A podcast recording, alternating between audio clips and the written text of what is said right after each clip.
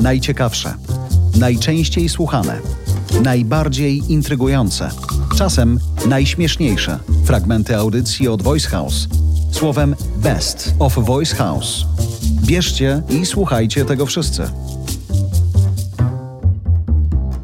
Technologicznie Bartek Pucek i Jarosław Kuźniar. Chcielibyśmy, szanowni słuchacze, i specjalnie może trochę podświadomie opóźniam początek tego odcinka, pogadać o Metaverse i proszę, żebyście nie wyłączali odbiorników, żebyście z nami zostali.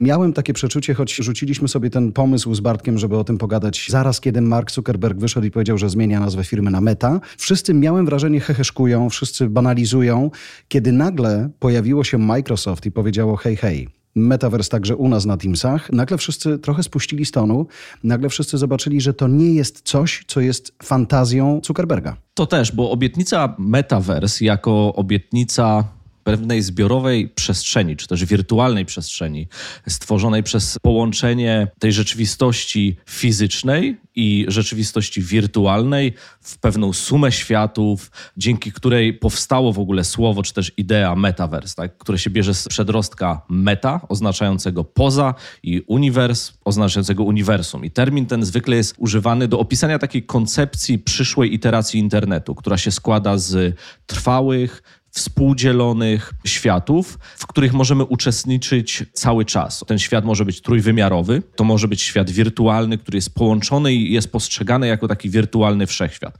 Tak naprawdę definicję metaversu można spłycić do pewnego celu, którym jest przeniesienie 7 miliardów cyfrowych dusz z możliwością istnienia wyłącznie w internecie i uczestniczenia w pewnej wirtualnej gospodarce, która ma wpływ na środowisko. I oczywiście z perspektywy dużych firm, czy to jest Facebook, czy to jest Microsoft, Microsoft, ciężko nie być podatnym na tą wizję. Rozumiem, że na potrzeby tej audycji potrzebujemy rozdzielić te światy, tak? Czyli korporacyjne pomysły na metaverse w odniesieniu do Microsoftu czy w odniesieniu do Facebooka to jest jedno, a drugie, że to się po prostu wydarza, to jest pewna konsekwencja rozwoju internetu, do której wszyscy prędzej czy później dojdziemy, natomiast oni widzą w tym biznes w jakimś sensie, tak? Myślę, że są dwa aspekty, które możemy wziąć tutaj pod uwagę. Pierwszy aspekt to jest aspekt stricte korporacyjny i drugi to jest aspekt związany z przyszłością internetu. I jeżeli dzisiaj patrzymy na internet, to taką kluczową różnicą między internetem dzisiaj a obietnicą tego metaversu jest tak zwana idea obecności. I ja chyba pierwszy raz w newsletterze pisałem ponad dwa lata temu o idei metaverse i ona była w definicji osoby, która była autorem tej koncepcji metauniwersum, Matthew Bola, miała zawierać kilka elementów, czyli żeby ten metaverse się pojawił, żeby on się zadział, żeby został stworzony, musi mieć szereg spełnionych cech. Pierwsza cecha, która była przez niego wyróżniona, to to, że ten metauniwersum musi być trwały, co oznacza, że nigdy się nie, nie resetuje, nigdy się nie pauzuje, nigdy się nie kończy. Tak jak dzisiaj większość światów wirtualnych czy też gier ma swój początek i ma swój koniec ale jeżeli weźmiemy na przykład Roblox, grę, to jest to rodzaj takiego uniwersum, które się nie kończy, czyli mimo tego, że my się od niego odłączamy, to ta gra i ten świat w tej grze trwa cały czas. Drugim aspektem to jest bycie synchronicznym. Synchronicznym to znaczy, że wydarzenia, które dzieją się w tym świecie, mogą się dziać zarówno w prawdziwym życiu, jak i w tym świecie wirtualnym. Więc ten metavers powinien być pewnego rodzaju żywym doświadczeniem, które będzie mieć konsekwencje dla ludzi zarówno w świecie wirtualnym, jak i w świecie rzeczywistym.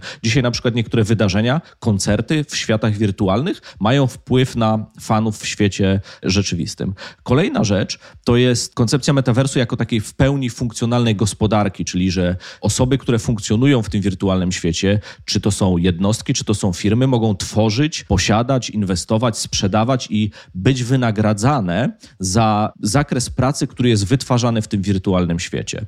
Kolejnym elementem jest fakt, że to doświadczenie będzie obejmować zarówno świat cyfrowy i fizyczny, prywatny internet, publiczny internet, otwarte i zamknięte platformy, czyli powinien przenikać więcej niż jedno medium i przede wszystkim oferować coś, co jest pięknie nazywane interoperacyjnością danych, czyli dane, które używamy w jednej grze czy w jednym świecie, mogą być przenoszone do innego świata. Wyobraźmy sobie, że zdobyliśmy nową skórkę do broni w Counter-Strike jako grze i możemy ją wykorzystać do ozdobienia broni w innej grze, które na przykład w Fortnite, albo podarować ją na Facebooku, albo wręczyć ją komuś na Robloxie. I ta interoperacyjność tych danych jest w ogóle fundamentem tej obietnicy metauniwersum. Co nie oznacza oczywiście, że w interesie firm, Film tutaj w tym przypadku na przykład Facebooka czy Microsoft, jest też budowanie wokół tej obietnicy metaversu. Właśnie, bo o tym pomyślałem, skoro opowiadasz mi o czymś, czego ja w ogóle nie znaczy, staram się rozumieć, bo na tyle już jestem duży, że powinienem, ale to nie są moje światy, czyli nie gram. Ale ten moment, zakładam, że to jest kilka różnych obszarów, czyli stoi za tym kilka różnych biznesów. Jak ja sobie przekazuję tą umowną broń z jednego świata do drugiego, no to gdzieś te firmy, choć różne i konkurencyjne, musiałyby się podłączyć do czegoś uniwersalnego, tak? Żebym ja mógł przechodzić między tymi światami. I oczywiście pytanie jest, kto tą uniwersalną warstwę, tą autostradę informacyjną w ramach tego metaversu będzie w stanie stworzyć. I Mark Zuckerberg w ostatnich tygodniach czy w ostatnich wystąpieniach podkreśla, że misją Facebooka, czy też teraz Meta, jest właśnie praca nad metaversem. I trzeba pamiętać tutaj, że to, co powiedział Zuckerberg, to fakt, że Facebook od dzisiaj jest aplikacją, natomiast Meta jest firmą. I to było takie przesłanie, które w tym keynote na konferencji Connect Zuckerberg wygłosił. I w ramach tej tezy bardzo otwarcie też powiedział, że jeżeli chodzi o definicję tego, czym jest metaverse, to Zuckerberg powiedział, że on i jego firma są skoncentrowani na rozgryzieniu tego, czym jest, czyli nie mają jasnej definicji tego, czym jest albo czym powinien być metaverse. Natomiast w swoim wystąpieniu on opisał, że w jego koncepcji, w koncepcji Facebooka, w nawiasie Meta, mogą to być aplikacje, których można używać do grania z przyjaciółmi z całego świata, organizowania spotkań, pokazywania swojej kolekcji NFT i zaznaczył też, że większość z tych rzeczy nie pojawi się natychmiast, ale jest to koncepcja, nad którą chcą pracować. I trzeba też pamiętać, że Facebook w 2014 roku przejął firmę Oculus, która zajmuje się tworzeniem urządzeń do VR, czyli Virtual Reality i w interesie Facebooka, Oculusa jest rozwijanie tych światów wirtualnych. Moto Stories. Patryk Mikiciuk, Łukasz Kamiński i Kacper Majdan. Dla mnie, jak Kacper z prywatnych rozmów wie F1, to teraz jest przede wszystkim show. Wiem, że pewnie część słuchaczy mnie teraz zlinczuje, ale od dawna nie śledzę już tego, co dzieje się w tej kategorii, ponieważ dla mnie zrobił się to po prostu reklamowy nośnik, gigantyczne pieniądze, twarze tego motorsportu, a później gdzieś dopiero faktyczne ściganie. Nie mówię, że ci kierowcy nie mają talentu, no bo nikt się tam z przypadku nie bierze, ale uważam, zresztą tutaj też y, padły chwilę temu podobne słowa, jeśli dobrze je odczytałem, że gdyby tak dopracowany bolid dać komuś nawet nie formuły drugiej, ale jakiejś jeszcze niższej kategorii, ale kogoś, kto faktycznie koncentruje się na samej jeździe, być może równie dobrze by sobie poradził. Kiedyś też mieliśmy takie prywatne starcia z Kacprem, że co by się stało, gdybyśmy na przykład któregoś z mistrzów z DTM-u wsadzili do topowego bolidu i gdybyśmy odwrócili rolę, czyli któregoś z topowych kierowców F1 bolidów, które no w mojej opinii dzisiaj są tworzone przez Excela w większości. Wsadzili do jakiegoś auta DTM, czyli w zasadzie samochodu osobowego, homologowanego, dostosowanego po prostu do wyścigów. Jak wtedy te proporcje by się do siebie miały, i wówczas wydaje mi się, że faktycznie można by rozmawiać o tych talentach. To jest oczywiście moje prywatne zdanie, ale odnoszę wrażenie, że te wyścigi, nazwijmy to niższych kategorii, niosą za sobą dużo więcej faktycznego treningu, jeżdżenia, talentu niż tej właśnie otoczki, o której rozmawialiśmy, przy której powoli samo ściganie schodzi na któryś tam plan. I zresztą nawet nasza dzisiejsza rozmowa, czy poprzednia, raczej opierała się właśnie o to, jaki jest Hamilton, co się dzieje od zaplecza, a gdzieś powoli schodzimy od tego faktycznego ścigania się. I to też mam wrażenie bardzo dobrze widać, porównując Formułę 1 sprzed lat do dzisiejszej. Kiedyś, gdzie kierowca miał bardzo dużo do powiedzenia, dużo się działo, podejmował własne decyzje, było dużo więcej wypadków, było dużo bardziej niebezpiecznie, ale przez to było dużo więcej kibiców, bo byli tego rządni. No wypadków, nie oszukujmy się. Tak. Każdy chce zobaczyć wypadek. Było więcej kibiców, było więcej sponsorów, sponsorzy byli inni, były firmy alkoholowe, był tytoń, wszystko się zupełnie Grid pozmieniało. Girls, gdzie one są? No, No właśnie. właśnie. I tutaj Jaki płynnie, płynnie przechodzimy jakby do tych wszystkich kwestii, które wydaje mi się, że właśnie, jak to się zwykło mówić, królowa motorsportu chyba przesiała najbardziej i wiele z tych aspektów, bo nie wszystkie, w niższych kategoriach nadal są obecne. A F1 tak naprawdę kastruje pewne kwestie, może niewygodne polityczne, może słabiej się oglądające. No tutaj możemy się spierać, ale odnoszę takie wrażenie, że powoli F1 jest bardziej show niż takim mięsistym sportem samym w sobie. Wy tego nie widzicie, ale tutaj właśnie Piotra trzy osoby próbują zatrzymać przed tym, żeby nie pobił Łukasza jako miłośnik Formuły 1.